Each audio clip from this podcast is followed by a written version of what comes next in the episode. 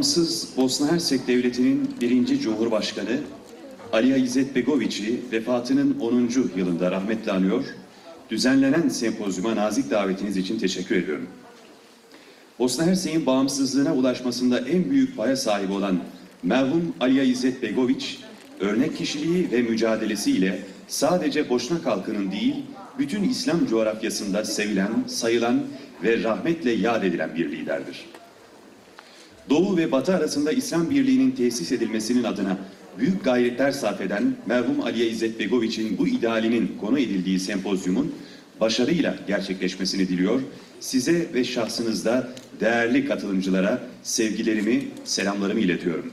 Recep Tayyip Erdoğan, Başbakan.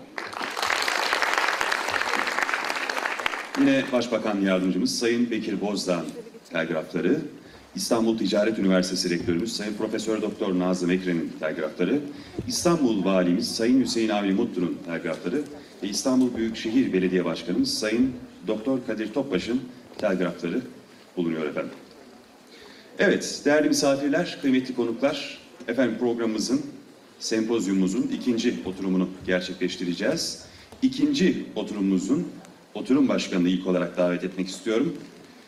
Marmara Üniversitesi İletişim Fakültesinden doçent doktor Ali Büyükarslan. Sırasıyla konuşmacılarımız ve konuları İslam Birliği idealine mülhem Genç Müslümanlar Örgütü ve Kadın Kolu konusuyla Amine Silyak Yesenkoviç. Medeniyet tartışmalarına anti-ütopyacı bir yaklaşım konusuyla Faruk Kararslan. İslam dünyasını yeniden kurmak, İslamcı bir dilin ve hareketin zemini olarak konusuyla Sayın Alev Erkilet. Efendim sözü kıymetli oturum başkanımız doçent doktor Ali Büyükarslan hocama bırakıyorum.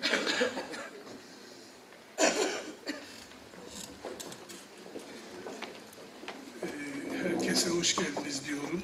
Değerli büyüklerime de bu bir önceki konuşmada yaptıkları yani duygu dolu içerikten dolayı ayrıca teşekkür ederim. Tabii onlar yaşadıklarını anlattılar. Biz sadece izliyoruz. Ee, böyle şeyler Cenab-ı Allah yaşatmasın. Ee, ama bir şey dikkati çekiyor tabii.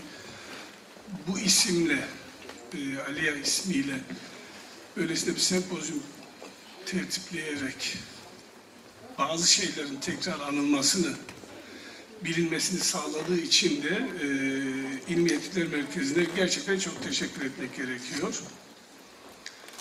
Şimdi e, üç kişi konuşmacı olarak şu anda bulunacak. E, bir buçuk saat kadar bir süre yanılmıyorsam var programda.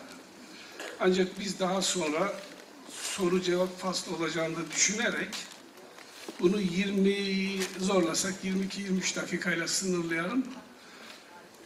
Fakat ben yine bir önceki konuşmanın etkisindeyim. Benim görüyorsun konuşmacı arkadaşlarım da. Ee, hakikaten çok duygusal içeriği çok yoğun olan bir konuşmaydı.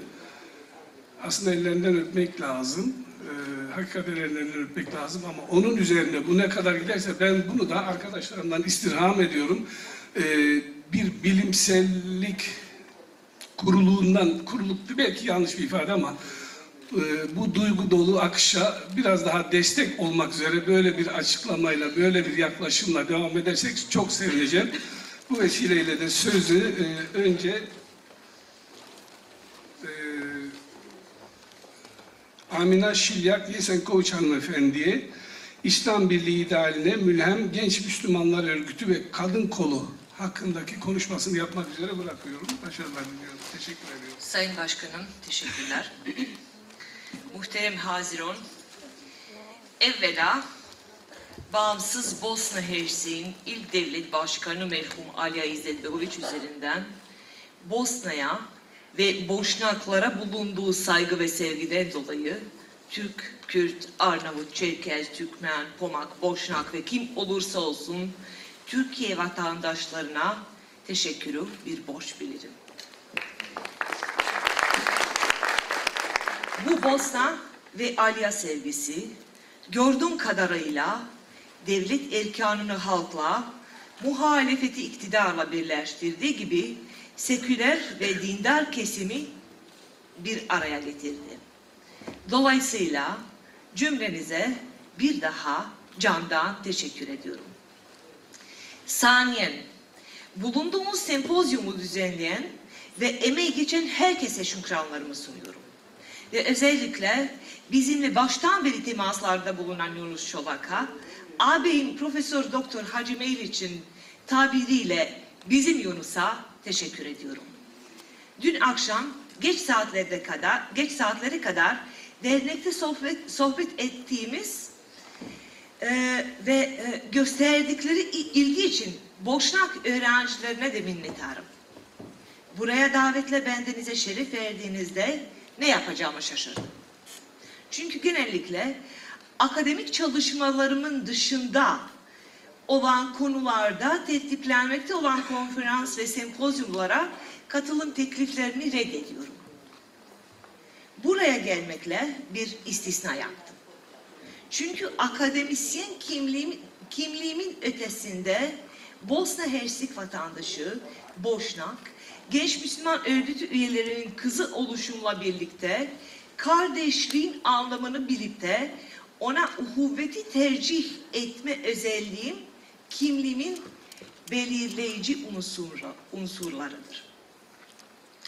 Salisen, asıl konuya geçmeden aynı saygı ve duygu ile ortak tarihimiz boyunca Osmanlı Devleti için kan dökmüş her milletimizin şehitlerini, Çanakkale ve İstiklal Savaşlarında göçmen Boşnak ve Arnavutlarla omuz omuza ömrünü yitiren Türk şehitlerini, Birinci ve İkinci Dünya Savaşlarında düşen şehitlerimizi 92-96 arasında Bosna Hersek'te canını feda eden şehitleri dua ile yad ediyorum.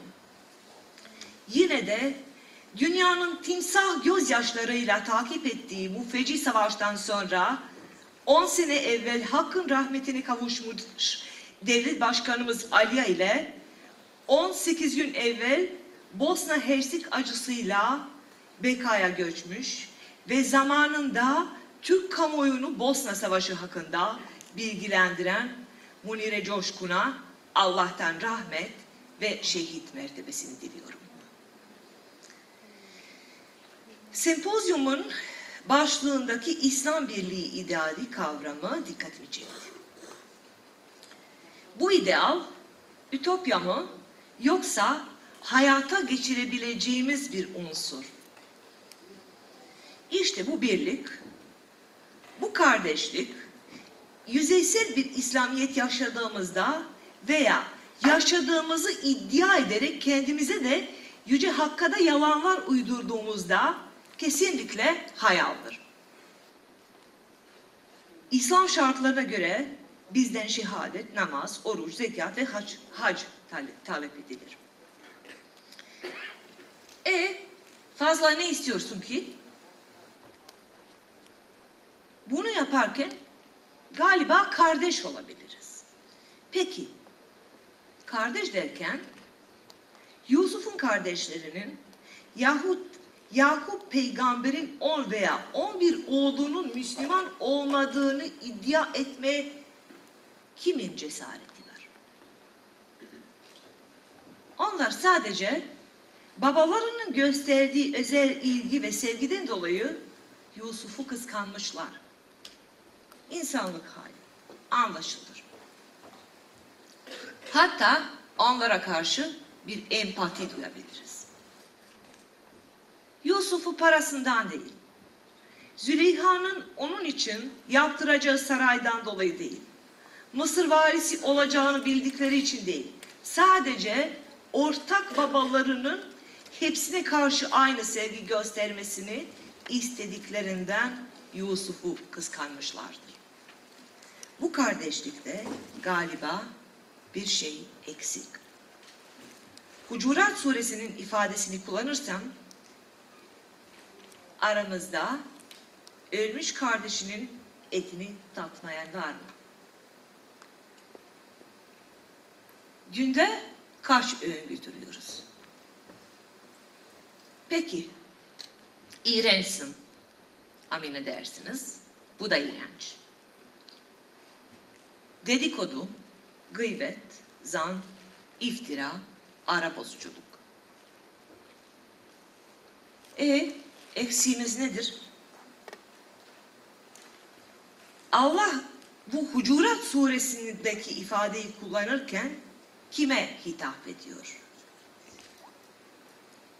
Ayetin başında ey imana ermiş olanlar diyor. Aynı surenin 14. ayetinde Müslüman ve mümin kavramları arasında fark belirtilmektedir.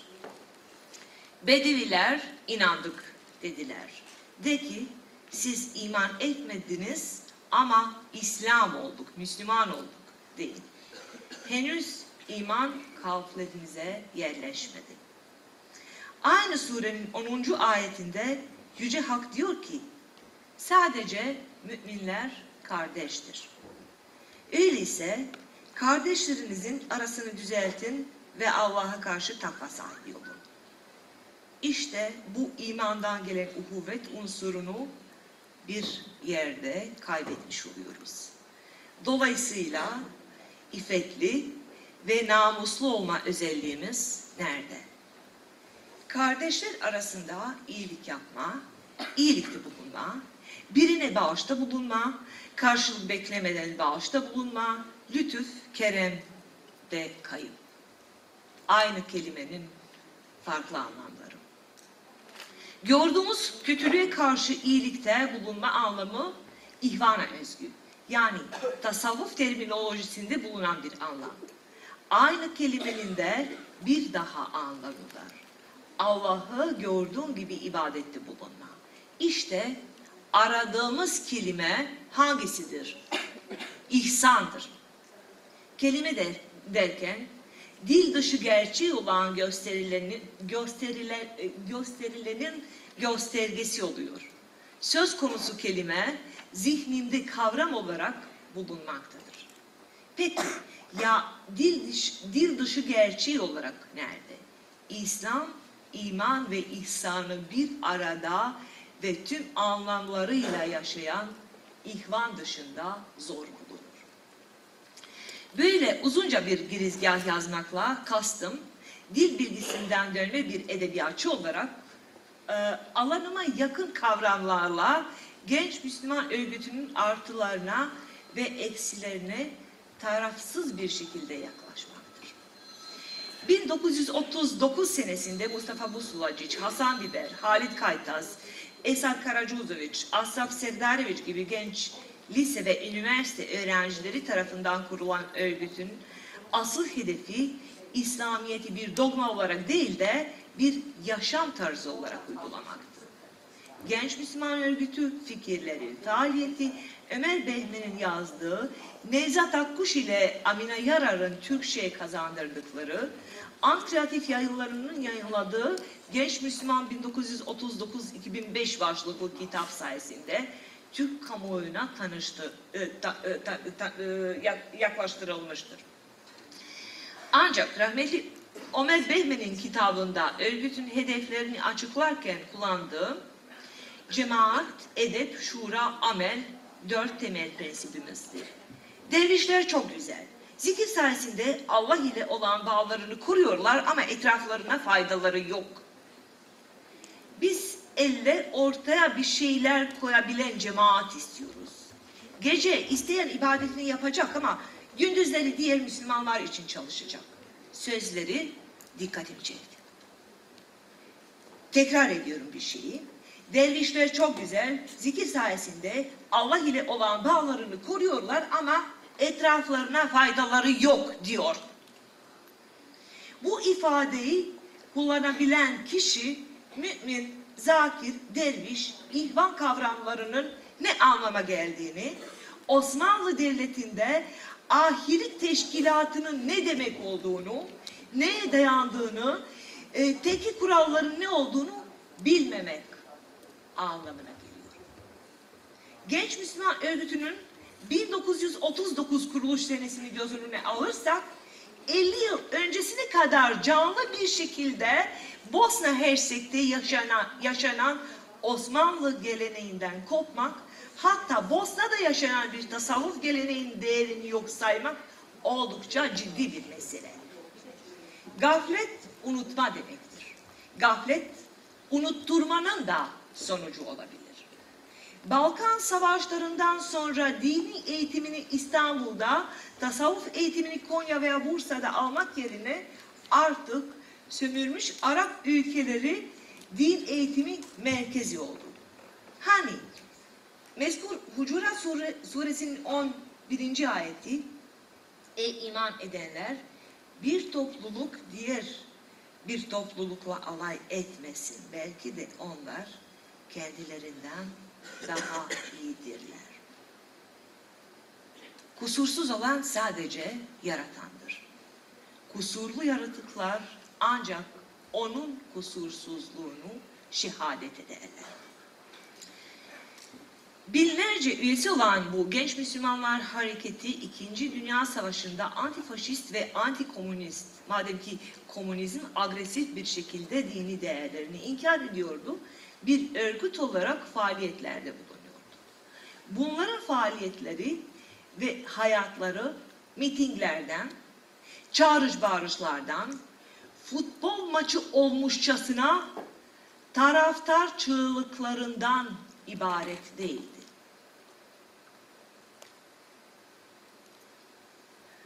Evlerinde yaptıkları ibadetleri yanı sıra savaş sırasında, İkinci Dünya Savaşı sırasında kapı kapı dolaşarak Doğu Bosna ve Hersek bölgesinden Çetnikler tarafından sürgün edilen çocuk, kadın ve yaşlı muhacirleri barındırmak, giydirmek, karınlarını duyurmak için yardım toplayarak canla başla mücadele ediyorlardı. Karışık be- ka- karşılık beklemeden iyilikte bulunuyorlardı genç Müslümanlar. İhsanları, İslamiyetleri ve ihsanları vardı yani. İkinci Dünya Savaşı'ndan sonra Komünist Yugoslavya iktidarı bu hareketi susturma kastıyla en itibarlı ve en olgun üyelerini ölüm cezasına çarptırmıştır. Prepolot Kültür Derneği kuruluş toplantısında Komünist Yugoslavya'nın temel unsurlarından eşitlik kardeşliğe dil uzatan Alya İzetbegoviç'e 3 yıllık hapis cezası verildi. Dinime ve milletime saygı göstermeyen kardeşim değil dediğinden dolayı. Çünkü o zamanlarda her bir Yugoslavyalı kardeşti. Ancak onlardan bazıları daha kardeş. Veya sünnetsiz iyi, sünnetli kötü diye Orwellce sloganlar geçerliydi. Peki ya örgüt üyeleri olan kadınlar yaşlarına göre eğitim almış, asil, bilinçli 20'li yaşlarındaki kızlar ne oldu? Onların arasında ileri gelenler üniversite eğitimlerini yarıda bırakmış, tembellikten veya zengin bir evlilikten dolayı değil. Mahkeme yargılamaları olmadan gözaltı sürecinden sonra kamuya yararlı zorunlu çalışma ile cezalandırıldılar. Nasıl yani? Yugoslavya Federal Ordusu subayları, polis komiserleri ve benzeri o sırada henüz okuma yazmayı doğru dürüst çözememiş yeni elit tabakanın ihtiyaçları karşılamak için kurulan ko- kooperatiflerde zorunlu çalıştılar. Maaşsız. Güzel eğitimli şehirli kızlar tarlalarda çalıştırılıyordu. Kimi bir buçuk sene, kimi iki, kimi de iki buçuk sene. İnsan hakları kuruluşları bugün buna kölelik derler. Bu da Yugoslavya'da demokrasi kavramını, kavramının bir okunuşu veya bir anlamıydı. Peki bu e, cezaları yaşadıkları cezalarından sonra yani serbest bırakıldıktan sonra e, bu zorlu, zorlu çalışma veya hapis cezaları yüzlerinin karaları mı oldu? Ya sizce? Ne dersiniz? Eğitimleri, İslamiyet'i hayata geçirmelerini, ihsanlarını, imanlarını, bilinçlerini kimse alamadı ki. Yüzlerinde herhangi bir leke olsun. Kimi geçimini sağlamak için çalışmaya başlayıp üniversite eğitimi tamam tamamlamadı. Kimi de ebeveyn veya akraba desteğiyle her şeye rağmen diplomasını aldı. Kimi hapisten hemen sonra, kimi biraz geç 30 yaşlarından ya- yaşlarında falan evlendi. Ama bu kadınların her biri kendi mesleğinde çok başarılı, çalışkan, ötekinin hakkına her zaman sahip çıkan, dedikodu, gıybet, iftira, zanlardan korunan kişilerdi. Anne olduklarında, çoğu da anne olmuş, çalıştıklarına rağmen çocuklarının eğitimini onlara edep vermeyi ihmal etmemişler. Karşılık beklemeden iyilik yapmayı öğretmişler. Ötekilerin hakkına sahip çıkmayı. Kendi yaşamlarıyla, tercihleriyle çocuklarına da kendi değerler standartlarını ulaştırmışlar. Dinde zorlama yoktu. Dini sevdirme var- vardı. Bu genç Müslüman kadınlarının çocukları arasında, çocukları arasında çocukluklarından itibaren bugüne kadar yani 50'lerimize, 60'larımıza kadar bir bağlılık, bir birlik, bir kardeşlik var. Annelerinin hakkın rahmetine kavuştuktan sonra ebeveynlerinin dostlarına sahip çıkan insanlar var.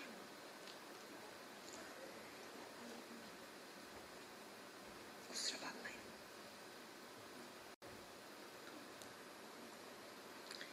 Rahmetli Azize teyzemin oğlu Haris, kızı Feriha, rahmetli Nigar teyzemin kızları Tayyide ile Mihra yüzünden kendimi son derece mutlu ve zengin hissediyorum.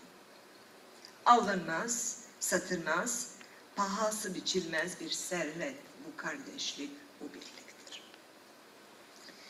Mezkur kadınların 20 ile 30 arası yaşlarındaki torunları da bu hakiki kardeşlik, bu hakiki birlik geleneğinin sağlam devamıdır. Kervan yolda düzeldi de geçen zaman içerisinde kimlikleri hakkında daha çok bilgi edinen, dinini farklı bir şekilde yaşayanlarla alay etmeyen, kimseye karşı ön yargılı olmayan, şuurlu ve özgüvenleri olan bu, üçün, bu üçüncü kuşak ümit vericidir. Peki, böyle bir çevrede küçük olsa bile böyle bir ortamda alyaların ortaya çıkması hiç garip olur mu? Teşekkürler. Evet.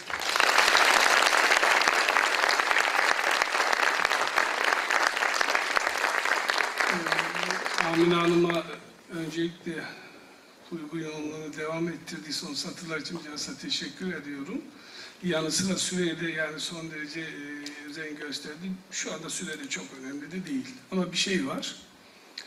Ee, yaşananın anlatılması ile duyulanın, anlatılanın, e, duyulanın anlatılanın dinledikten sonra anlatılması çok farklı oluyor. Son satırlar bunu gösteriyor.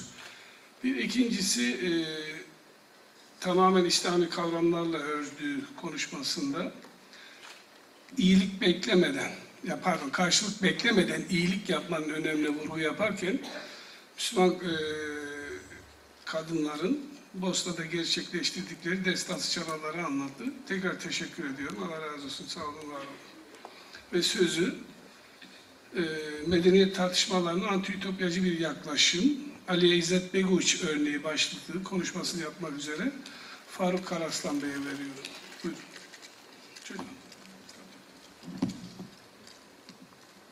Çok teşekkür ederim. Ee, öncelikle bütün kalın katılımcılara e, hoş geldin diyerek başlamak isterim. Ee, tabii bu toplantının benim için ayrıca e, bir anlamı var. Ee, şundan dolayı ben yüksek lisans tezimi Ali İzzet Begoviç üzerine yaptım. Ve e, tez danışmanım o süreç zarfında çok kıymetli hocam e, Mustafa Aydın'dı. E, benden sonraki oturumda inşallah onun sunumunu dinleyeceğiz. Sonra beni Ali İzzet Begoviç'le tanıştıran e, çok değerli abim e, Mahmut Hakkı Akın. Yine benden sonraki, bizden sonraki oturumda onu dinleyeceğiz. Ve bu teze başlamadan önce e, nasıl bir yol haritası izlemek gerekiyor anlamda istişare ettiğim e, Sayın Hocam Alev Erkilet de şu anda aynı oturumda bulunuyorum. E, bu benim için e, çok e, mutluluk verici ve bu sempozyuma, bu panele ayrıca e, anlam kazandırıcı bir şey. Onun için sizlerin huzurunuzda tüm hocalarıma e, bu vesileyle teşekkür etmek istiyorum. E, inşallah bu mutluluğu tüm genç e, akademisyen arkadaşlarımız benimle birlikte e, yaşamış olurlar, yaşarlar. Tabii benimki birazcık da akademik bir ilgi alanı. Ee, aslında bilinçli olarak birazcık daha Aliya İzzet Begoviç'in akademisyenlik yönüne vurgu yapmak istedim. Çünkü onun liderlik e, özelliğine, siyasetci, siyaset adamlığı özelliğine vurgu yapılıyor fakat e, çoğu zaman da e, akademik derinliği, felsefi arka planlı planı ihmal ediliyor ve bizim sosyal bilim dilinin içerisine Aliye İzzet Begoviç'i e, sokmamıza imkan vermiyor. Onun için e, birilerinin de işin bu tarafından tutması gerektiğini düşünerek birazcık daha onun akademik analizlerine e, yer vermeye çalıştım. Fakat şu anda e, oturum başkanımızın e, uyarısına da dikkate alarak birazcık daha mecrayı e, değiştireyim, değiştirmeye karar verdim. Tabii kültür ve medeniyet bahsi sosyal bilimlerde çok tartışmalı bir bahis. Özellikle Türkiye modernleşmesinde fazlaca başka başka perspektiflerden tartışılmış, e, farklı kamplaşmalar oluşmuş, farklı tanımlamalar oluşmuş. Öncelikle Ali İzzet Begoviç'in bu medeniyet e, bahsini ele alırken şu önceliği aklımızda tutmamız gerekiyor. O da bu e, kavramlar çok tartışmalı, muğlak ve halen net bir şekilde tanımlanmamış kavramlar. E, fakat herkesin de kendisine has bir duruş içerisinde belirleyebileceği bir kavramlar. E, Aliya İzzet Begoviç okumak bu anlamda son derece verem, verimli. Çünkü daha gerçekçi, daha ayakları yere basan analizleri ve ikna edici analizleri mevcut, mevcut bu kavramlara dair. Ee, başlık anti-ütopyacı bir yaklaşım kavramsallaştırmasını e, taşıyor. Bu aslında şöyle bir anlama geliyor. Ütopyacı bir yaklaşım var. Yani medeniyet tartışmalarında ütopyacı bir yaklaşım var. Ve Aliya İzzet Begoviç'in medeniyet anlayışı bu ütopyacı yaklaşımın karşısında duran e, bir anlayışı temsil ediyor. Buradan da şöyle bir e, gaye edindim. Aliye İzzet Begoviç üzerinden acaba bizim Türkiye'deki siyaset anlayışını nasıl yorumlayabiliriz? Onun yazdığı eserlerden bizim Türkiye'deki özellikle son dönem dış politikasını belirleyen medeniyet tasavvurunu e, ya da son zamanlarda son 10-15 yılda fazlaca tartışılan medeniyet tartışmalarını Aliye İzzet Begoviç'in perspektifinden nasıl yaklaşabiliriz bahsini de değerlendirmek oldu. Ee, Doğu ve Batı arasında İslam adlı kitabında Ali İzzet Begoviç bu konuya has bir e, başlık açar ve bu konuyu e, gerçekçi bir şekilde analiz eder. Gerçekçi bir şekilde analiz etmenin ne demek olduğunu birazcık daha ayrıntılara girince e, izah edebilmiş olacağım. E, şimdi bu medeniyet tartışmaları Türkiye açısından bizi nereye götürüyor acaba? E, böyle bir soruya Aliye İzzet Begoviç nasıl cevap verirdi? Medeniyetin teknikle olan ilişkisi nedir? Medeniyetin e, uygarlık diye tanımlanan başka bir e, tanım sa- e, tanım e, bir kavramsallaştırmayla ilişki biçimi nedir acaba? Medeniyetin kültürle, medeniyetin aletle, medeniyetin ahlakla, medeniyetin insanla ilişki biçimi nedir? Bu kavramın ilişki biçimi nedir? Tüm bunları biz Aliya İzzet Begoviç'in metinlerinde görebiliyoruz. Dolayısıyla onun medeniyet meselesini ele alışını, onun ahlak anlayışından, insan anlayışından, İslam anlayışından ve kültür anlayışından bağımsız görmememiz gerekiyor. O bütüncül bir perspektif içerisinde medeniyet tartışmalarına dahil olur. E, malumunuz onun bütüncül perspektifi temelde e, zıddiyetler e, cetveline dayanmakta. O şöyle bir görüşü savunur.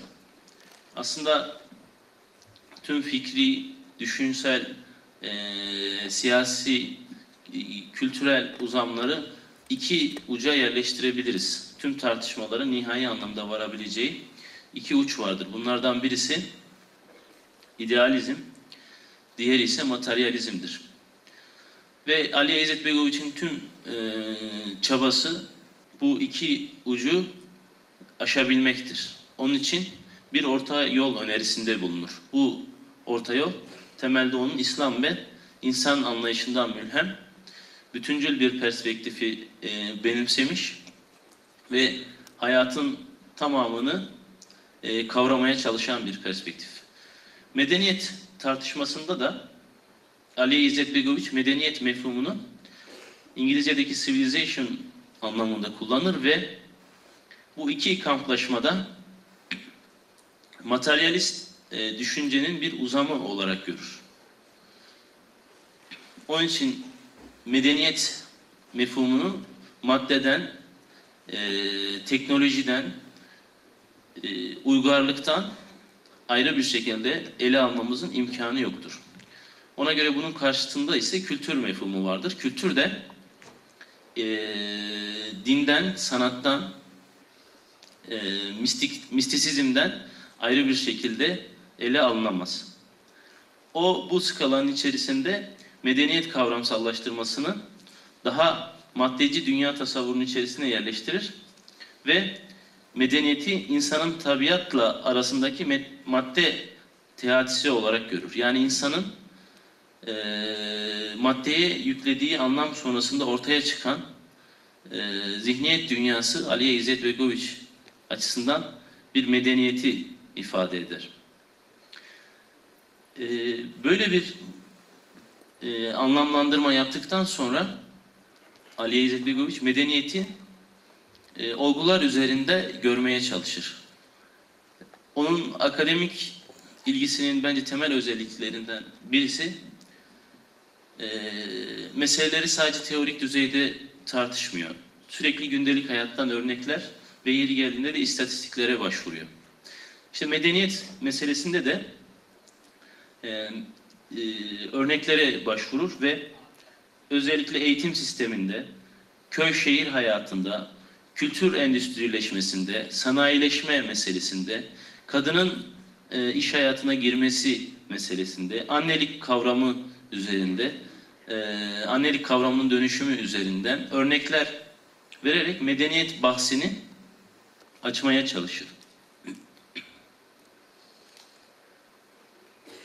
Ona göre medeniyet dünyayı değiştirme arzusudur. Çünkü teknikle e, uğraşımın sonucu e, insanda zorunlu olarak dünyayı değiştirme arzusunu oluşturmaktadır. Ondan dolayı medeniyet dünyayı değiştirmeyi e, arzular. Buna karşılık kültür ise insanın kendisini değiştirmesi, kendisini dönüştürmesine imkan verir. Bu noktada Ali İzzet Begoviç medeniyeti iyi ya da kötü değere atfetmez. O ona göre medeniyet bir vakadır.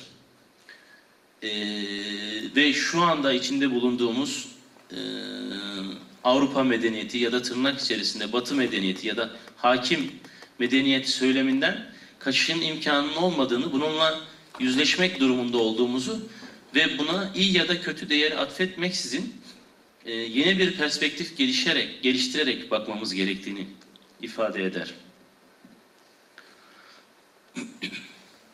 Özetle o insan, felsefe, sanat, şiir, ahlak, inanç mefhumlarını kültürün uzamı olarak görür. devlet, bilim, şehir, teknik, ilerleme, pozitivizm bunları ise medeniyetin, medeniyetin uzamları olarak görür. Bundan dolayı kültürün taşıyıcısı bizatihi insanın kendisidir. Medeniyetin taşıyıcısı ise toplumdur. Dolayısıyla bizim medeniyet mefhumunu aramamız gereken yer toplumsal alanlardır. Der.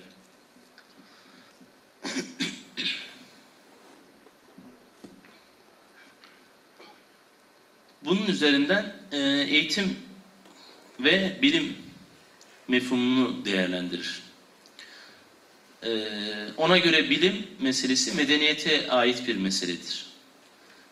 E, modern eğitim de medeniyete ait bir meseledir. Fakat e, eğitim mefhumunu iki kategoride değerlendirmek mümkündür. Bunlardan birisi terbiye, diğeri ise modern eğitim. Birazcık daha pozitivizmin uzantısı olan, bugün yaygın olan eğitim türü. İşte bu iki eğitim türünün içerisinde terbiye eğitimini kültüre atfeder. Bugünkü yaygın olarak e, iştigal ettiğimiz pozitivist manada kurgulanmış modern eğitimi ise e, medeniyetin bir uzantısı olarak görür. E, çok e, akademiye boğmak istemiyorum ama Ali İzzet Begoviç'in sorduğu çok önemli sorular vardır. E, mesela köy hayatını kültüre, şehir hayatını ise medeniyete atfeder. Ve burada şöyle bir sorunun cevabını aramaya girişir. Bu benim açımdan çok anlamlıdır. Neden İslam e, şehirli dinidir e, düsturu bir tarafta dururken şehirleşme arttıkça dini pratiklerde azalma görülür. Ali İzzet Begoviç uzunca e, sadece bu bahisin altında değil başka bahislerde de bu meseleyi tartışır ve e, seküler bir dünyada, maddeci bir dünyada, materyalizmin hakim olduğu bir dünyada kutsaldan yoksun olmanın imkanı var mıdır? Meselesi üzerinden bu tartışmaya bir perspektif geliştirir. E, süremi de e, verimli kullanmak adına toparlayacak olursam Ali İzzet Begoviç bugünlerde popüler olan medeniyete e, mesihçi bir anlam yükleyen İtopyacı yaklaşımı eleştirir ve bu manada bize bir perspektif sunar. Çünkü medeniyeti teknolojiden ve teknolojiyi yaşadığımız son yüzyıl içerisindeki savaşlardan, e, göçlerden, soykırımlardan, bizatihi Bosna Savaşı'nın kendisinden e, ayrı görmemizin imkanı yoktur. Bu teknolojinin kötü olduğu anlamına gelmemektir. Fakat insan teknolojiye mensup olduğu ahlak üzerinden yaklaşmaktadır. İşte biz de medeniyet meselesine e, üçüncü yol ahlakı üzerinden yaklaşmamız gerekiyor Ali İzzet Begoviç'e göre. Yani bir İslam ahlakı üzerinden medeniyete yaklaşmamız gerekiyor. Daha e, moddolaştırarak söyleyecek olursak bizim tekniğe İslam ahlakını biçmemiz gerekiyor. Ve bunu yaparken de materyalist düşünce çizgisinin ve idealist düşünce çizgisinin indirgemeci e, tarzlarının tuzaklarının farkında olmamız gerektiğini öneriyor. Tabi Ali İzzet Begoviç malumuz iki kutuplu bir dünyada yaşıyor. Bir tarafta Sovyet Rusya, bir tarafta Amerika, e, Doğu ve Batı bloğunun içerisinde yaşıyor ve e, konuşabileceğimiz tüm siyasi rejimleri tecrübe ediyor. Yugoslavya Krallığı'nı, faşist ustaşa rejimini, e, komünist dönemi ve cumhuriyet dönemini, demokrasi dönemini. Dolayısıyla Ali İzzet Begoviç'in bu analizlerini yaparken e, kendi e, öyküsünden bağımsız olarak değerlendirmemek gerekiyor. Onun iki kutuplu bir dünya içerisinde ve iki kutbun da zulmünü e, görürken, görmüşken, çekmişken böyle bir e, iki kutbu aşma çabasını e, anlamlı bulmak gerekiyor kanaatimce. Buradan e, son bir e, öneri yaparak konuşmamı tamamlamak istiyorum. Özellikle e, öğrenci arkadaşlarımıza, genç kardeşlerimize bir önerim var. Ali İzzet Begoviç çok önemli bir siyaset adamı ama sadece bir siyaset adamı değil. Akademik anlamda e, şahsımı ve sizleri e, ileride çok besleyeceğini e, düşündüğüm e, bir düşünce adamı aynı zamanda.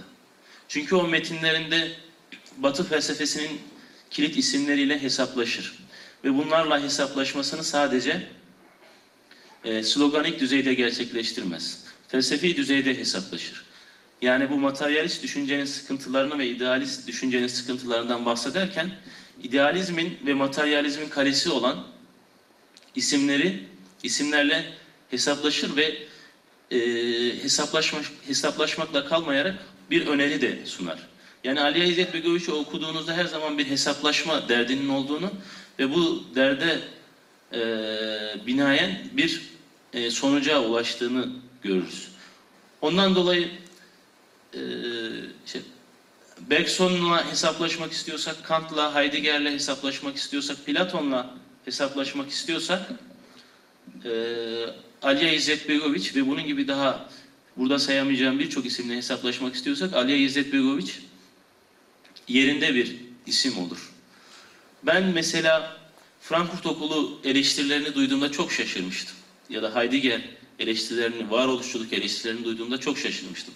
Çünkü bizim Türkiye'deki sosyal bilim dünyasına 90'larda e, bir taklitçi bir zihniyet olarak giren Heidegger'i Ali İzzet Begoviç ta 70'lerde yazdığı notlarla kıyasıya e, eleştirmiştir. Bizim henüz aslında akademik dünyada e, şu anda bir eksikliğimiz olarak e, zikredebileceğimiz Batı düşünce dünyasıyla hesaplaşma sürecini e, Aliye İzzet Begoviç 60'larda 70'lerde e, eserlerini e, kaleme alırken, eserleri üzerine çalışırken yapmıştır. Onun için e, Batı düşünce dünyasını okurken Aliye İzzet Begoviç'in eserlerini e, el kitabı olarak değerlendirmek mümkündür. E, sabrınız için çok teşekkür ederim. Zamanımı zorladıysam da özür dilerim. E, soru cevap kısmında kapalı olan kısımları açarız umarım. Teşekkür ediyorum. Sağ olun. Faruk Bey, e, genç falan diyorsunuz, yani gençlik falan diyoruz ama o kadar dikkat ettiniz ki süreye. Yani e, gençlikle çok alakası yok. İşi biliyorsunuz, sağ olun, var mı? Evet, çok sağ olun. Şimdi e, tabii Faruk Bey'in e, Lütfü Bey'i göremiyorum ama kız arkadaşların çokluğu salonda dikkat çekti. Bunun ilem açısından bir anlam var mı bilmiyorum. Ama herhalde bizim genç erkekler evde ev işleriyle meşgul ya da bilmiyorum nasıl yorumlanır. Hocam bu işi size havale ederim. Yani e, ilginç bir şey gözlem olarak dikkatimi çekiyor tabii. Hanım da beni gönderdi. Git şu işlere bak diye. Yani biz buraya. Evet. Şimdi e, tabii soru cevap kısmına biz bir zaman ayıracağız. Hocama da ben 20-25 dakika civarında bir zaman bıraktıktan sonra bir soru cevap kısmını daha yoğun kullanalım istiyorum. Yanı sıra Faruk Bey'in e, bir önerisinde yine ilemin amaçlarına uygun olacağı düşüncesini tekrarlıyorum. Yani genç arkadaşlara getirdiği valiya ile ilgili düşünceleriyle ilgili önerisi hakikaten dikkate değer. Bunun üzerinde düşünmek lazım. Bir ikincisi araya girerek bir e, şey daha hatırlatayım. Birinden duymuştum, ne kadar gerçek bilmiyorum. Japonya'daki ilkokul çağındaki çocukların Hiroşima'ya, Nagasaki'ye götürüldüğü ve unutulmaması gereken bazı şeylerin gösterildiği hep söylenir. Şimdi burada şöyle bir şey var. Bakın Amine Hanım da kardeşlikten, e, İslam terminolojiye ait kavramlardan bahsetti. Ben Saraybosna'ya gittim, gördüm. E, yani kendi evimde gibi gezdim. Kendi e, sokaklarında yürüyor gibi gördüm. Kendi insanlarımla birlikteymiş gibi hissettim. Ve fakat acaba Kültür Bakanlığı'nın böyle işte atıyorum ilkokul ya da ortaokul ya da lise, üniversite başarılı öğrencileri teşvik e, amaçlı Osmanlı coğrafyasını, Balkan topraklarını gezdirmeye yönelik bir şey etkinliği olamaz mı? Niye olmasın yani? İşte unutmayın burada buralar var ve biziz buralar. Yani de bu topraklara, Anadolu topraklarına sıkışmadık. Acaba böyle bir şey yapılır mı? Bir öneri olarak da ben hatırlatmış olayım. Hocam size söz bırakıyorum. Kolay gelsin. diyorum. Açık mı mikrofon? Açık değil mi? Ee, hoş geldiniz diyorum. Öncelikle e, Faruk e, Bey'in konuşması için ayrıca ona çok teşekkür ediyorum. E, tezi için hayırlı uğurlu olsun diyorum. Darısı diğer arkadaşların başına diyorum. bizim göğsümüzü kabartan bir çalışma oldu hamdolsun. Şimdi çok güzel oldu aslında güzel bir tevafuk oldu bizim aynı oturumda olmamız ve birbirimizin devamı olarak konuşacak olmamız. Çünkü e, ben belki de o e, hani bütünselci yaklaşım ya da yöntem bilim e, adını verdiği, Faruk Hoca'nın o adı verdiği e, tasnifi sizin birazcık daha açarak e, acaba e, gündelik hayatımıza ilişkin buradan nasıl bir sonuç çıkarabiliriz? Bu konuyu sizin dikkatinize e, getirmek arzusundayım. Onun için de e, Aliya'nın yaptığı üçlü bir tasnif var. E, bundan bahsetmek istiyorum. Aliya e, e, düşünce sistemlerini diyeyim, e, üç ana kategoride ele alıyor. Bunlardan bir tanesi maneviyatçı sistemler ki parantez içerisinde bunu dini sistemler olarak da e, çevirenler var. Yani maneviyatçı ve dini bir arada kullanılıyor. İkincisi materyalist sistemler, üçüncüsü de İslami sistemler. E, Bunlardan ne kastettiğimizi elbette haklı olarak soracaksınız. Bunlardan e, gerçekliğin doğası nedir aslında? Gerçekliğin doğası nedir? E, insanın karşılanması gereken temel ihtiyaçları nelerdir? Ve bunların karşılanma sınırı ne olmalıdır sorusuna e, verilen cevapları kastediyorum. Aliye da bunu kastediyor. Tekrar söyleyeyim gerçeklik, gerçekliğin doğası nedir? Ee, bu bakış açısına göre e, insanın karşılanması gereken ihtiyaçları hangileridir? Ve üç, bu ihtiyaçların karşılanma sınırı ne olmalıdır sorusuna verilen bir cevaptır bu aslında. Ben e, tekrar okurken Aliya'yı bunu e, Sorokin'in o üçlü e, kültür üst kültür sistemleri analizine e, çok yakın buldum. O da e, düşünsel, duyumcul ve ideal üst kültür sistemlerinden bahsediyordu. Ve bundan şöyle bir şey kastediyordu. Yani maneviyatçı ya da dini e, dünya görüşü dediğimiz zaman gerçekliği tamamen ruhi olarak algılayan bakış açılarını kastediyor. Yani gerçeklik, hakiki gerçeklik aslında görünür olanın ötesindekidir. Dolayısıyla teokrasileri yaratırlar. Yani özellikle Orta Çağ e, Hristiyan teokrasisi olarak altını çiziyorum. E, şu manada beden kötüdür, bedenin ihtiyaçları kötüdür. Onların ortadan kaldırılması gerekir düşüncesi. Şimdi materyalist, e, Aliya'nın materyalist dediği ya da işte Sorokin'in duyumcul kültür sistemi olarak adlandırdığı sistemler ise tam da bu maneviyatçı kültür sistemlerine bir reaksiyon olarak ortaya e, çıkarlar genelde. Onlar da ruha dair tüm ihtiyaçları, tüm değerleri aslında inkar etmek eğilimindedirler. Çünkü onlara göre bir tek gerçeklik vardır.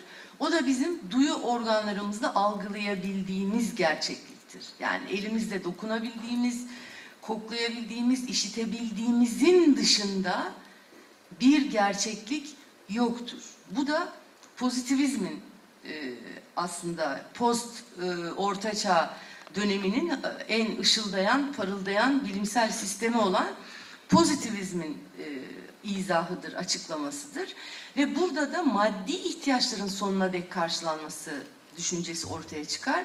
Esas olan bedendir, bedenin ihtiyaçlarıdır ve bunlar sonuna kadar karşılanmalıdır. Tabii burada sizin de dikkatinizi çekeceği üzere hazcılık, hedonizm dediğimiz, işte epikürcülük dediğimiz felsefe sistemleri sadece be- bedene ve mala yönelik suçları çok şiddetle cezalandıran hukuk sistemleri ki kapitalizmin e, hukuk sistemi ve ceza anlayışı böyle bir şeydir.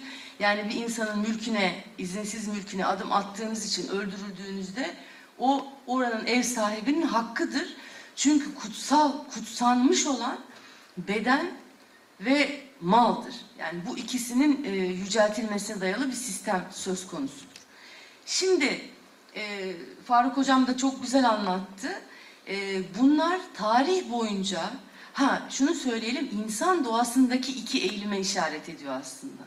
Yani biz hem ruhtan hem maddeden oluşan bir e, karışım olduğumuz için aslında her bunların her birisi bizde içkin olan özellikler. Dolayısıyla Sorokin der ki bunlardan birinden diğerine doğru insanlık tarihi bir akış içerisindedir. Ee, ya maddeci ihtiyaçları sonuna kadar karşılarsınız ama artık ondan sonra hırslar sizi yönetmeye başladığı için dünyayı ateşe verirsiniz ve bir düşünsel kültür sistemi hakim olmaya başlar. Düşünsel bir kültür sistemi de uçlara götürüldüğünde şuna varır.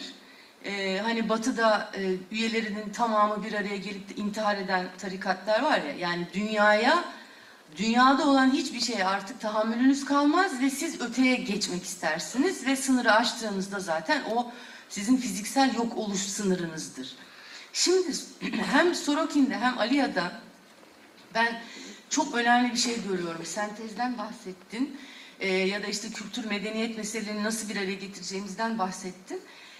Bunların üstünde, bunların ikisini de aşan bir üst noktada, üst dengede İslam'ın ortaya çıktığını düşünüyor Aliya.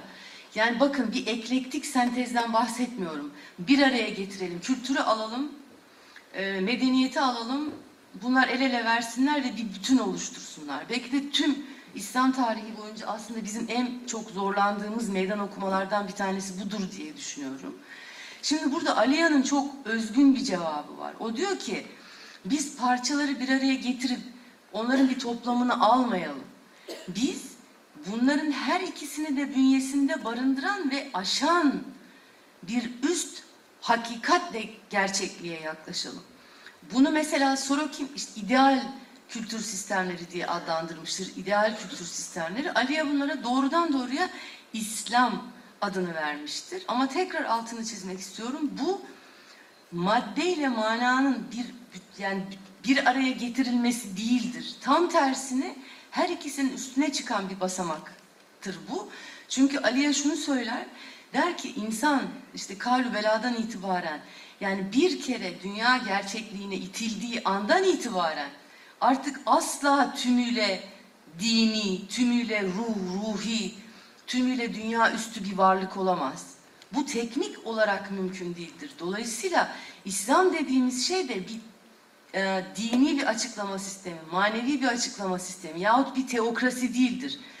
Tam tersine maddenin ve mananın hakkını o Kur'an'ın koyduğu ilkeler çerçevesinde çok estetik bir biçimde e, vererek onları dengeleyen sistemin adıdır aslında e, İslam.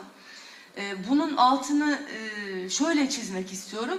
Müslüman hayat merkezidir diyor Aliya.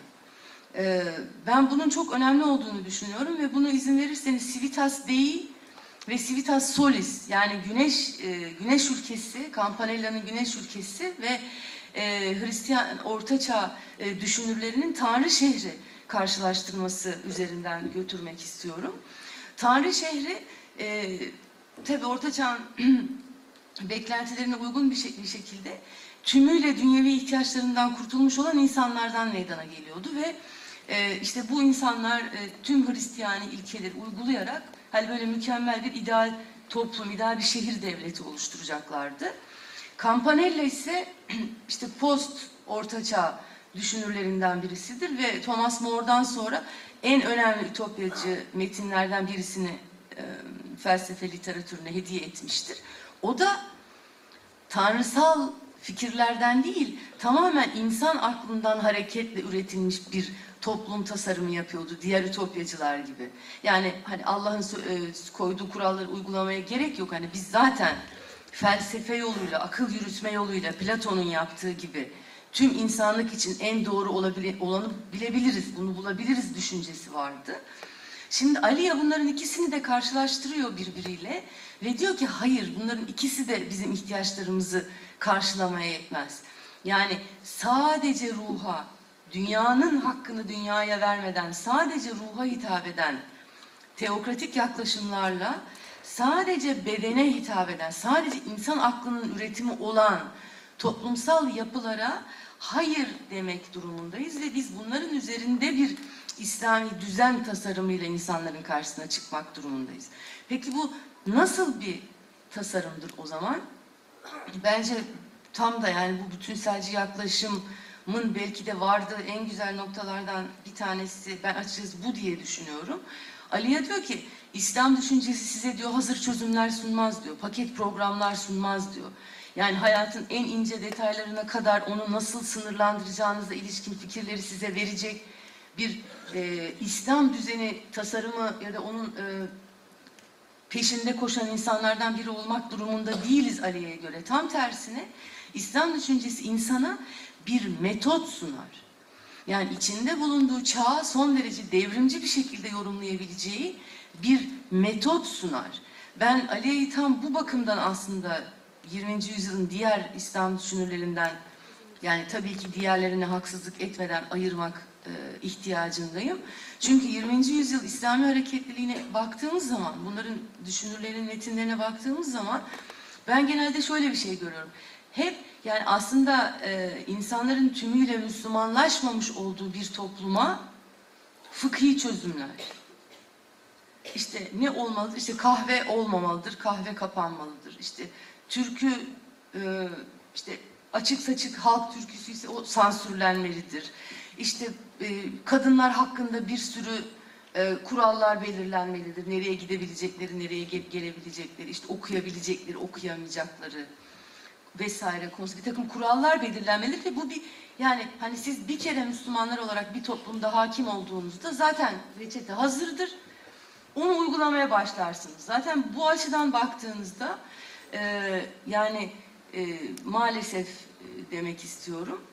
E, mesela hani insan hak ve özgürlükleri konusunda, e, kadın hak ve özgürlükleri konusunda, işte gençlerin hak ve özgürlükleri konusunda, muhaliflerin hak ve özgürlükleri konusunda, azınlıkların hak ve özgürlükleri konusunda, hani sınavı her zaman geçemeyen, e, daha e, diktatöryel olmaya doğru e, evrilme e, itiyadı taşıyan bir takım sistemlerle karşılaşıyoruz. Dolayısıyla yani ben Aliya'yı bu bakımdan e, yani aşırılık olmazsa biricik olarak adlandırmak istiyorum. E, böyle bir güneş gibi parlayan bir düşünür olduğunu gerçekten düşünüyorum. Çünkü e, mesela bunun en güzel örneklerinden birini de kendisinin verdiğini, kendi hayatında hani fikirleri bırakın bir tarafa, kendi hayatında Aliya hiçbir zaman bir e, İslamcı önder olarak ortaya çıkmadı. Sabahki konuşmalardan da, yol arkadaşlarının konuşmalarından da benim çıkarttığım sonuçlardan bir tanesi buydu. Aliya kendisini eşitler arasında birinci olarak tanımlıyordu. Bu da son derece özgün bir durum bence. Yani her şeyi bilen, her zamanlar için bütün problemleri çözen büyük, büyük İslamcı önder değildir Aliya. Tam tersine o bu düşünceye böyle küçük eee, ama çok önemli, karınca, kararınca kendi katkılarını yapmaya çalışan eşitler arasında birinci ve sırtına yüklenen siyasi yükü çekmek zorunda kalmış bir insan olarak önümüze çıkar. Yani bu modelin bile ben eee, aslında az önce söylediğimiz yani eee, maneviyatçı değil ya da tırnak içinde Hristiyanlık anlamında bir teokrasi değil, e, duyumcul, e, sadece maddeye tapmakla kendisini sınırlandıran bir sistem değil. Bunların üstünde üçüncü bir şey, üçüncü bir siyaset, üçüncü bir felsefe, üçüncü bir hayat anlayışı, üç- bir aile anlayışı, bir önder, izleyici grubu ilişkisi anlayışı e, getiren bir insan olduğunu düşünüyorum ve bu az önce Faruk hocamın da söylediği bu e, üst, eklektik olmayan hani bileşimden doğru gelerek bize bunları söylediğini düşünüyorum. Hani bunun üzerine hep birlikte tefekkür etmenin anlamlı olacağını söyle- söylemek istiyorum. Mesela son şu örneği vereyim. Hocam vaktim bitti mi? Ee, şöyle mesela bir örneği vardır Aliya'nın. Ee, işte ibadet, sadece ibadet e, dini sistemlerin özelliğidir. Sadece hijyen dünyevi sistemlerin özelliğidir. Halbuki İslam bunların her ikisini de e, namaz dediğimiz o e, müthiş ibadette birleştirir ve bizim hayatımıza e, getirir. E, sadece sadaka vermekle kendisini sınırlandıran dini sistemlerle halktan aldığı vergilere dayanan materyalist sistemlerden farklı olarak İslam zekat gibi bir kurumu getirmiştir ve bu hem yani sadakanın e, zaman zaman ulaştığı aşağılayıcı e, formu aşan ve yoksulun e, zenginin malında hakkı olduğu düşüncesinin altını çizen bir bakış açısıdır ve bence İslam ekonomisiyle ilgili inanılmaz e, şeyler, yani potansiyeller e, sunar. Aynı şekilde Ali'ye yani uzatmak istemiyorum. Zaten metinlere baktığınızda eminim siz de göreceksiniz. Ee, her konuyu yani ibadeti, namazı, ümmeti, e, cihadı, e, devleti, hilafeti bunların her birisini bu bakış açısı içerisinde yorumlamaya çalışan bir e, e, müceddittir diyelim belki de bir müceddittir öyle yorumlamak e, gerektiğini düşünüyorum. Ama sosyal bilimlere yaslanarak bunu gerçekleştiren e, insan ancak bu, bu dünya gerçekliğinde kendisini bulabilir diyen bunun altını da çok çizmek istiyorum. Çünkü şöyle diyebilirsiniz ya hocam yani zaten İslam biliyoruz biz İslam'ın zaten maddeyi reddetmediğini, zaten İslam'ın aileye işte cinselliğe karşı çıkmadığını. Eyvallah bunu biliyoruz ama gerçek hayatta İslam adına kendisini realize etmeye çalışan topluluklarda bu materyalist sapmaları ya da bu e, hani tamamen maneviyatçı sapmaları görmüyor muyuz? Bence görüyoruz aslında. Dolayısıyla mevcut sistemleri de üzerine değerlendirebileceğimiz uçları açık bir çözümler paketi değil, tam tersine bir e, metot sunan e, yani bu düşünürü ben de Faruk Hocam gibi aynı şekilde e, yöntem bilimsel e, kıymetine e, binaen daha derinlemesine etüt etmemiz gerektiğini düşünüyorum. Çok teşekkür ediyorum.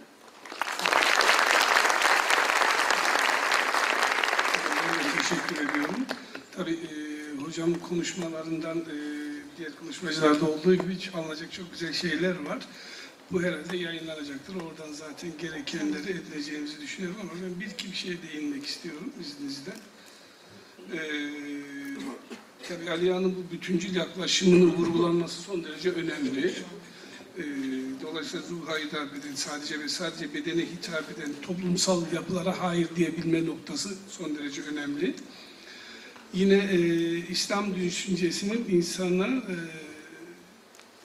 çağı devrimci bir anlayışla değerlendirmesini bir metot olarak sunması da son derece önemli bir açıklamaydı. Bundan dolayı da teşekkür ediyorum. E, şimdi burada tabii konuşmacı arkadaşlarımızın e, bildirilerini bitirdik. Şöyle bir şey var. Ben e, arkadaşlarla ilgili kısa özgeçmişler sunmam gerekiyordu ancak programın e, kitapçığında var. Oradan edinirsiniz, bakar öğrenirsiniz inşallah. Şöyle bitirmek istiyorum ve soru faslına geçeceğim. E, savaş zamanı Ali İzzet Begoviç kentte yürürken Sırplar tarafından bombardıman başlıyor ve yerde yatan bir kadın e, diyor ki başkanım yatın lütfen, bombardıman başladı. Cevabı bu düşünülmüş uzun bir yürüyüştür oluyor. Bu uzun yürüyüşteki e, Bosna'da yaşananları yine açıklarken nehirlerimizin üstünden köp, üstündeki köprüler yıkılmış olabilir. Köprüler yeniden inşa edilebilir ancak önemli olan halkımızın gönüllerindeki köprüleri inşa etmektedir diyerek de halkıyla ne kadar bütüncül olduğunu yine gösteriyor. Ve son olarak da kendisine şunu sorduğunu söylüyor. Acaba hak ettiğimiz kaderi mi yaşıyoruz? Acaba vaziyetimiz ve mağlubiyetlerimiz konusunda daima başkaları mı suçlu? Eğer biz suçluysak ki ben böyle olduğu kanaatindeyim, yapmamız gereken neyi yapmadık yahut yapmamamız gereken neyi yaptık? Bana göre bunlar bizi bizim imrenilmeyecek vaziyetimizle ilgili iki kaçınılmaz sorudur diyor. Ben böylece tamamlıyorum ve e, konuşmacı arkadaşlara sorularınız varsa onları alarak bir 15 dakika e, yaklaşık soru cevap faslı bırakmak istiyorum.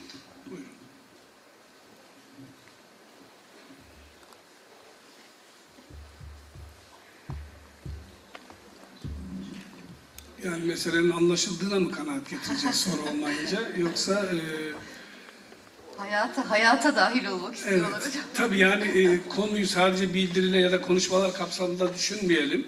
Amin Hanım buradayken e, konusu dışında da soru sorabilirsiniz ya da hocalarım buradayken. Ama tabii Bosna ya da Aliya merkezde olması e, daha hoş olur. E, günün anlam ve önemini e, gibi. Evet. Nereden? Buyurun.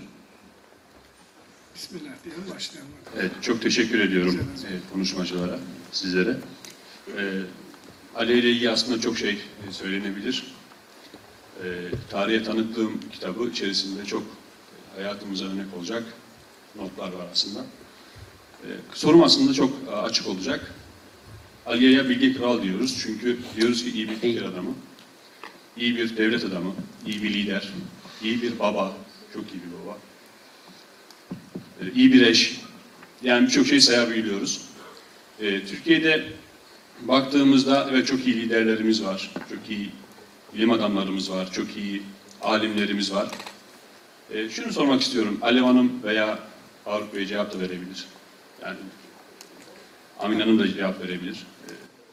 Acaba niye Türkiye'de bu konsepte yani bütün özellikleri bir arada tutan, bunları hayata, insanların önüne taşıyabilen, örnek olabilen, rehber olabilen, rehberler, e, liderler, insanlar, fikir adamları, bilge krallar e, olamıyor. Şimdi Yugoslavya'ya baktığımızda veya Osman'ın Osmanlı'dan sonra baki olarak alıp bak, baktığımızda Balkanlara hakikaten ciddi sıkıntılar var. E, orada yaşayan insanların sıkıntılarını çok yakinen bilen birisiyim bu arada. E, yani Türkiye'de evet Türkiye'de ciddi sıkıntılar yaşadık ama yani bu sıkıntılar bizi törpüledi mi yoksa bizi biledi mi? Neden Türkiye'de hakikaten hepsini bir arada tutabilen ya da birçok özelliği bir arada tutabilen liderler, önderler çıkmıyor. Çıkarsa bile bazı özelliklerinden dolayı eleştirebiliyoruz. E, bizdeki eksiklik nedir? Yani e, bir tarafımız çok fazla sivriliyor, bir tarafımız çok az yekte kalıyor, güdük kalıyor. Bu konuda e, diyebileceğiniz bir şeyler var mı? Ben çok merak ediyorum doğrusu. bunu. Evet, isminizi alabilir miyim? Salih Sağır. Salih Bey, kitabın ortasından sordum. bu sorunun cevabını e, salonda da verecek vardır, burada da kendince verecek vardır ama soru buraya olduğu için Amine Hanım'la da, Faruk Bey'e de, Ali Hanım'a da kendi zaviyelerinden cevaplandırma şansını bırakarak belki bir jest yapabilmiş olurum.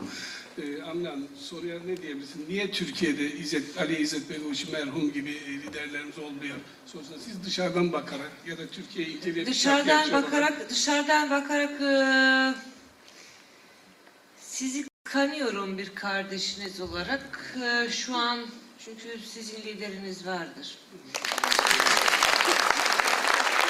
Yani sunumumda Yut'ta eee, Yusuf'un kardeşlerine değindim de sizi kıskanabilirim ama kıskanmıyorum. Sizi seviyorum. Türkiye'yi seviyorum.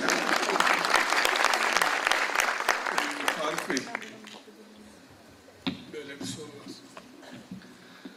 Ee, teşekkür ederiz. Aslında benim tez başlığım entelektüelliğe eleştirel bir yaklaşım. Ali İzzet Begoviç örneği, örneği başlığını taşıyor. Ve asıl yola çıkış sorum da buydu. Dolayısıyla bir tez konusu benim için en azından. Ee, şöyle bir durum var. Ee, tabii Alev Hocam'dan da özür dileyerek izah ediyorum. Ee, sadece Türkiye'de değil, ee, 20. yüzyılda böyle bir örnek yoktur. Biliyorsunuz bunun ilk teorisyeni Platon'dur. Ee, filozof kral kavramsallaştırmasını yapar ve bir gün kralı çağırır ki git bakalım şu bölgede şurayı yönet. Tabii Platon e, 35-40 gün dayanır ve e, bavulunu toplayarak kaçar. Yani bu iş böyle olmuyormuş. Yani şunu söylemek istiyorum. Özellikle siyaset felsefesi alanında bir siyaset felsefesi teorisyeni olmakla o teorisyenin uygulayıcısı olmak arasında e, çok ciddi bir uçurum vardır. Zaten Aliya İzzet Begoviç'i nevi şahsına münasır yapan şey de budur. Yani teorisini e, ameliyede gösterebilmiş, ameliyesinde gösterebilmiş birisi olduğu için ayrıca değerlidir. E, bu sadece Türkiye'de yaşanan bir sosyalleşme, e, işte epistemik cemaat problemi olarak değerlendirilemez. 20. yüzyılda böyle bir örnek yok. Başka bir örnek yok. Yani buna en fazla yani çok iddialı bir cümle kurduğumun farkındayım ama belki Hümeyni'yi işte eser verebilmiş, analizler yapabilmiş bir isim olarak e, yaklaşabilmiş, Ali İzzet Begoviç'e yaklaşabilmiş birisi olarak değerlendirebiliriz. Yani hem felsefi arka planlığı bu kadar derin olan bir siyaset felsefesi ortaya koyan hem de bunun amelini gerçekleştirmek e, gerçekleştirecek e, tarihin mesuliyetine ne denk düşmüş başka bir isim e, ben bilmiyorum zaten. E, bu açıdan çok kıymetli. Hani bu genel açıklamanın yanı sıra nerelerde aramak gerekir? Bir Bosna tarihinde aramak gerekir. Ve Bosna tarihini sadece savaş döneminde aramak gerekmiyor. Ta 1180'lere gitmek gerekiyor. Yani Roma İmparatorluğu bölündükten sonra Katolik Kilisesi ile Ortodoks Kilisesi'nin arasında kalan ve bu ikisini de tercih etmek etmek istemeyen o başka bir din anlayışı üreten, yeni bir din anlayışı üreten e, halkın ve ta oradaki ayrışmalarla etnik kimliğin dini kimliklerle belirlendiği süreci Osmanlı İmparatorluğu, Avusturya Macaristan, Yugoslavya Krallığı, Ustaşa rejimi ve komünist rejim eşliğinde okuyarak e, değerlendirmek gerekiyor. Yani Bosna tarihinin e, kendi konjektörü birazcık da bunu gerektiriyor. Başka bir mesela Ali İzzet Begoviç'in kendi hayat hikayesine bakmak gerekiyor. E, çünkü bazı e, tarihte bazı şeyler denk düşer ve onu rasyonalize edemeye edemeyebiliriz. Ali İzzet Begoviç'in hayatında e, bu tarz tarihin ona e, koşulların denk düşmesiyle yüklediği e, çok fazla misyon vardır. Çok fazla kendisi de bunu tarihe tanıklığı meselinde hapse girme olayında e, akademik ilgi cema- e, genç Müslümanlara girişinde farklı noktaları da açıklar. Bir başka mesele coğrafi konum. Yani şimdi Avrupa'nın içinde bir e, coğrafi e, konumda olan Bosna'daki Müslüman birisinden bahsediyoruz. Dolayısıyla bir kompleksiz bir şekilde Batı felsefesine yaklaşabilecek coğrafi konuma sahip e, ve e, muhafazakarlaşacak, muhafazakarlaşma tehlikesinden kurtulacak bir İslam anlayışına sahip. Zaten İslam deklarasyonunda da Ali İzzet Begoviç düşünürlerin karşılaştığı temel problemin bu muhafazakarlaşma ve modernleşme olduğunun altını çizer. Bunu aşabilmiş, kompleksiz bir şekilde Batı felsefesini okumuş eee, ve bunun yanı sıra İslami eee, düşünürleri de tetik etmiş, eee, Kur'an'ı çok ciddi okumuş birisi. Tabi bunlara da imkan veren şey eee, kendi kişisel öyküsü ve tarihsel koşullar. Ben şöyle bir sınıflandırma yapmıştım, öze, ö- özür, özür dileyerek söylüyorum. Bir e, genel siyasi atmosfer, konuşmamda da belli ettiğim gibi dört sistemi birden tecrübe ediyor. Kendi pratik hayatında. Bosna tarihinin ona yüklediği tarihsel koşullar. E, genç Müslümanlar örgütü onun için e, çok onun hayatında onun anlamında büyük bir yere sahip. E, aile hayatı, özellikle annesi e, ve dedesinin e, kişiliğindeki gözlemleri, aile hayatı çok önemli ve hapishane hayatı. Ve bunların hepsi bir araya, e, evet tarihte bunların hepsi bir araya gelmesi gerekiyor ve o koşulları ancak çok iyi değerlendirebilen birisi hem siyaset adamı hem de bir düşünür haline gelebiliyor. Dolayısıyla biraz e, ilahi hikmette aramak gerekir belki. Buradan bir kutsiyet yüklemek anlamında değil ama teşekkür ediyorum. Sağ olun. Valla çok, e, hakikaten çok güzeldi. Aslında e, benim söylemek istediğim birçok şeyi e, söyledi. E, sadece iki noktanın ben eklemek anlamında altını çizmek istiyorum. Bir şeye katılıyorum. Yani aslında Ali'ye, e, hani Bosna'ya o tarihsel koşullarda e, Allah'ın bir hediyesidir. E, yani biz bu işlerde hani çok maneviyatçı olmayacağız, çok da maddeci olmayacağız ya. Yani her şeyi sadece tarihsel koşullarla izah etmek de bana e, doğru e, değil gibi geliyor. Çünkü şunu biliyorum, e, yani daha önce Çeçenistan'la ilgili de çalıştım. Orada e, işte cihadın içerisinde bulunmuş olan e, kişilerle de konuştum. Mesela onların hepsinde çok ciddi anlamda mucize, mucizeye dönük e, bir yaşam deneyimleri vardı. Yani çeşitli biçimlerde bunları yaşadıklarına dair e, anlatımları sık sık tekrarladılar. E, Ben de yani mülakatlara dayalı bir kitap yazmıştım o zaman. Orada onu özellikle öne çıkartmak istedim. E, yani bir öncelikle bir olağanüstü, bir biricik, bir Allah'ın hediyesi olma durumu var, mutlaka var. İkincisi bence Aliye'ye yani dünya dünya koşulları açısından bakacak olursak e, çok benzersiz kılan şey kendi oluşturduğu düşünceye tapmaya başlamaması. Bence yani İslam dünyasının en büyük e, naçizane değerlendirmem İslam dünyasının en büyük sıkıntılarından bir tanesinin yani bir İslam adına bir düşünce ortaya atıp sonra onu Allah'ın sözüymüş gibi bir mutlaklık atfedip ve sadece bu düşünceye taraf ya da karşı olan insanlar bulunabileceğini düşünmeye başlamamız.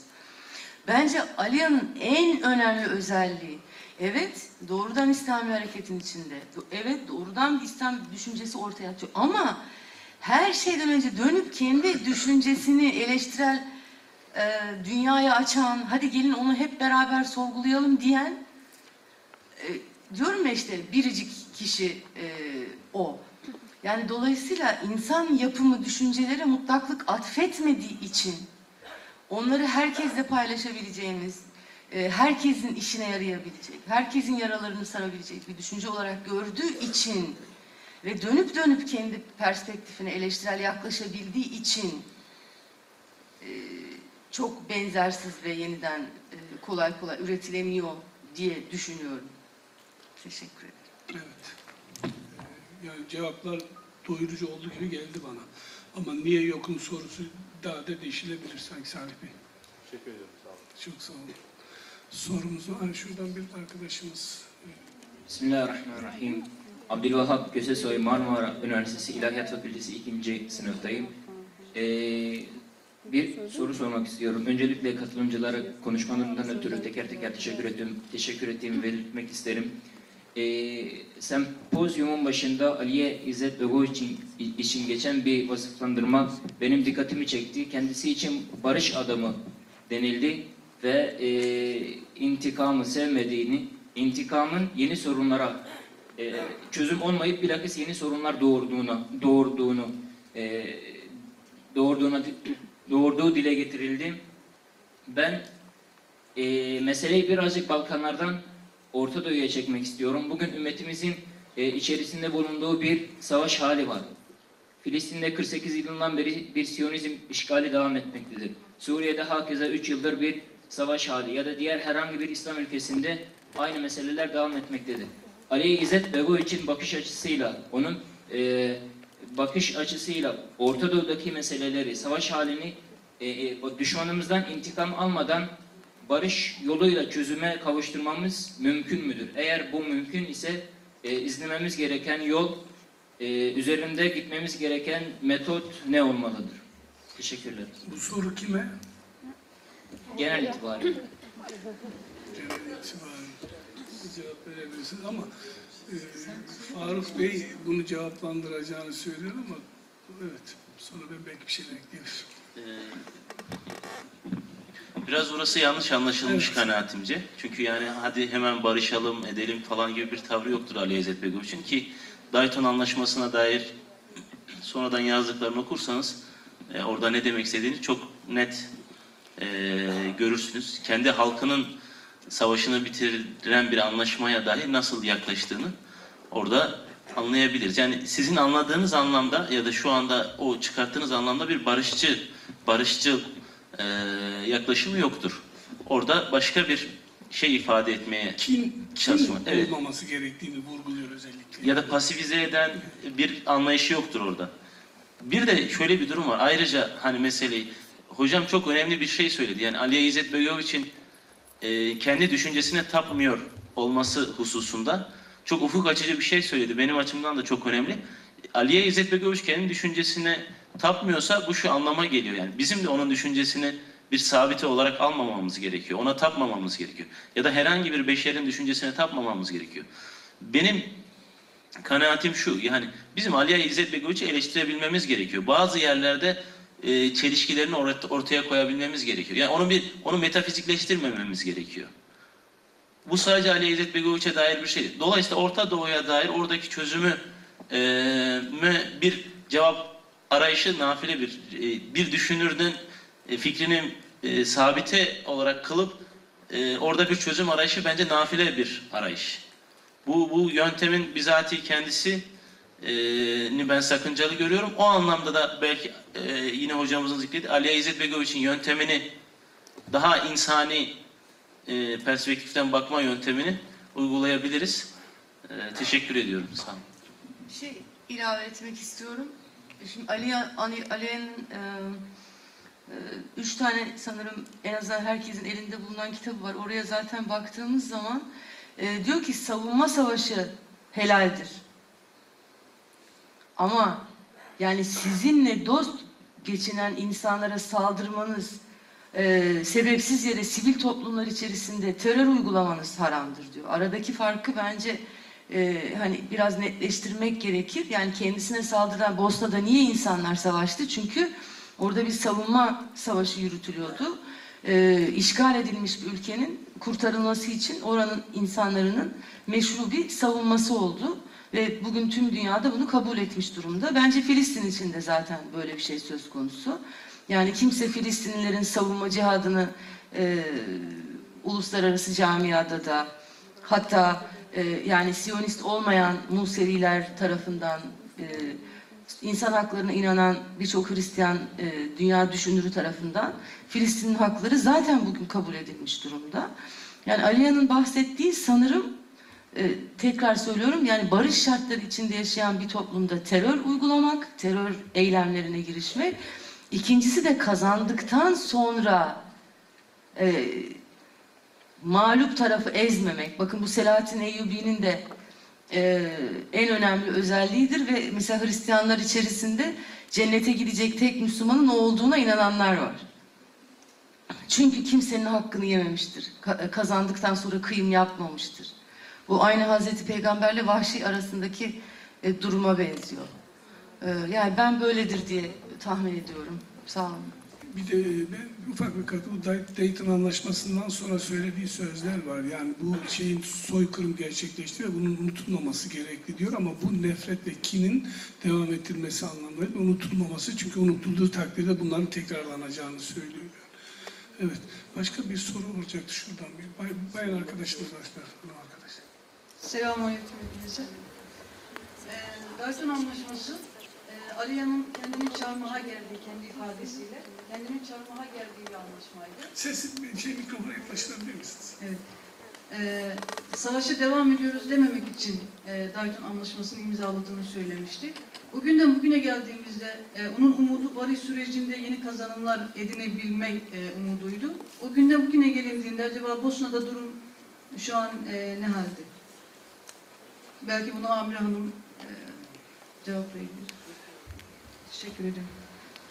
Şimdi e, yeni bilgiler ortaya çıkıyor. E, Alya'nın da Dayton Anlaşması'nı imzalarken e, tabanca namlusuyla zorlandığı da ortaya çıktı. Orada bulunan e, Amerikalı şahitler de bunu söylediler medyalara. E, Dayton Anlaşması ise e, e, çözüm getirmeyen ve e, devam edecek, uzun yıllar devam edecek problemli bir e,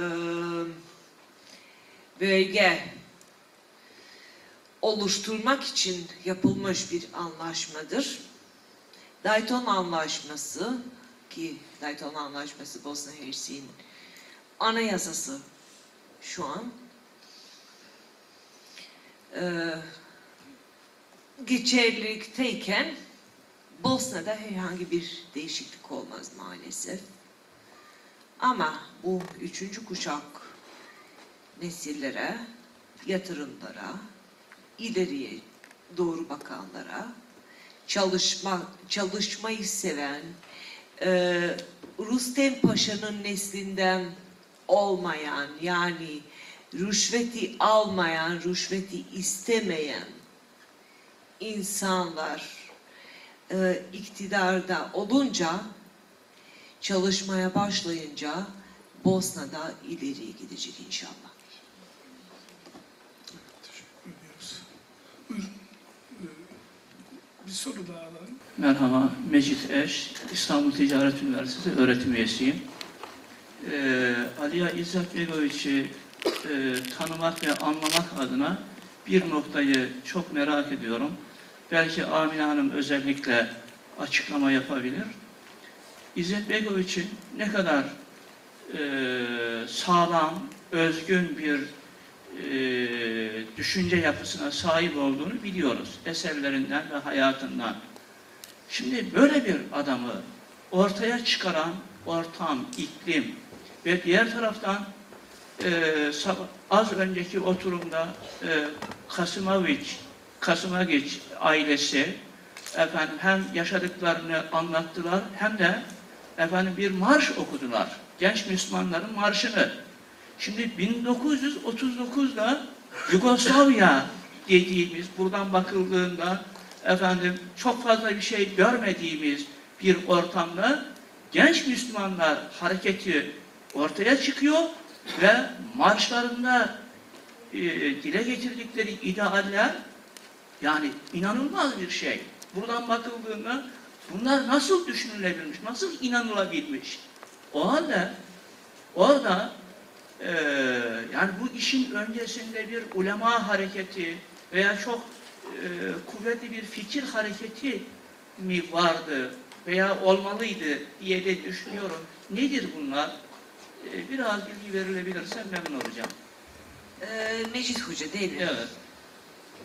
Şimdi ben e, sunumda da onu bir şekilde açıklamak istedim. Daha ne kadar başardığımı bilemiyorum. Çünkü bir dilci, e, dil bilgisinde de e, anlam bilimci olarak, diğer taraftan da bir edebiyat tarihçisi olarak e, bir şeyler açıklamaya çalışırken daha çok kapatıyorum gibime geliyor.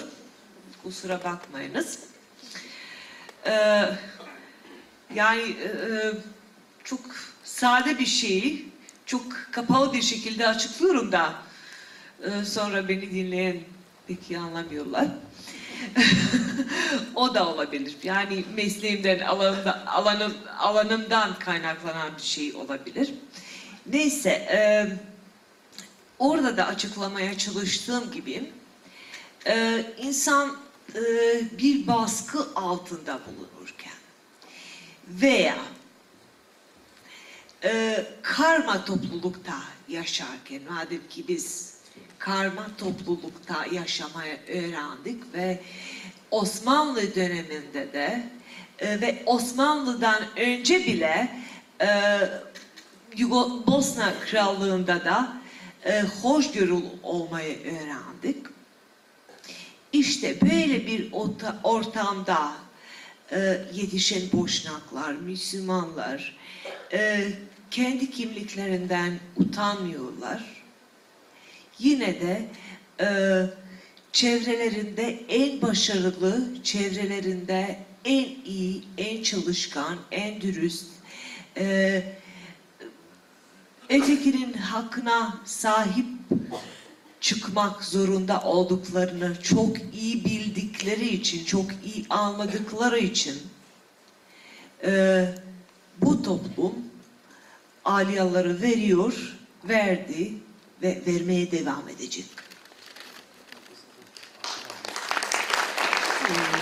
Şimdi burada bitirmemiz gerekiyor ama Faruk Bey kısaca bir katkısı yapacağını söylediği için ondan sonra müsaadenizle bitirelim. Ee, ama hocalarımız burada olacağı için programda çok aksatmadan soruları olanlar kendilerine şahsen artık e, fuayede falan sorsunlar. Sadece iki ismi ben zikretmek istiyorum. Mehmet Spava var. Onun ismini özellikle anmak gerekiyor.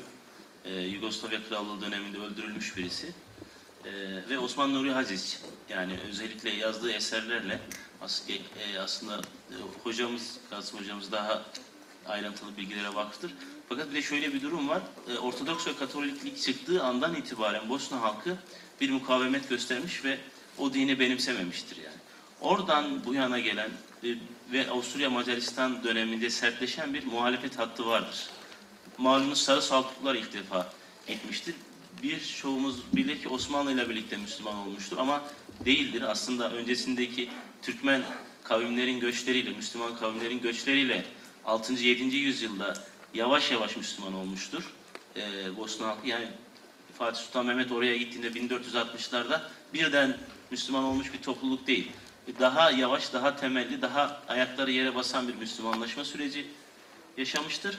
Ve o sarı saltuklardan bu yana gelen, e, bugün dahi giderseniz medrese geleneğinin en canlı olduğu topraklar, e, hani haddimi aşmak istemiyorum ama Bosna Hersek'tir yani şu an dahi. Öncesinde de. Savaş anında dahi Gazi Hüsrev Medresesi'nde mesela hatimlerin okunmasına ara verilmemiştir. Yani orada e, oralar kurşunlanırken. Dolayısıyla böyle bir e, bir e, İslam'ı gündelik hayatına sokabilmiş bir halk var. E, ve oradan hem e, politik mücadelede hem de düşünsel olarak bir zenginlik ve bir hat, bir akım oluşuyor. Ali İzzet Begoviç genç Müslümanların içerisine girerken de zaten böyle bir akıma eklemlenerek e, girmiş oluyor ve özellikle Mehmet Sıpavi ve Osman Nur Hacı'sı zikretmek gerektiğini düşünüyorum ben bu süreçte. Ee, Evet, hepinize geldiğiniz için, dinlediğiniz için teşekkür ediyorum. Bu konuşmacı hocalarıma da e, saygılarımı sunuyorum, teşekkürlerimi sunuyorum. İLEM'e de ayrıca e, bu toplantı için tekrar teşekkür ediyorum. Bu birinci oturumu burada kapatıyoruz.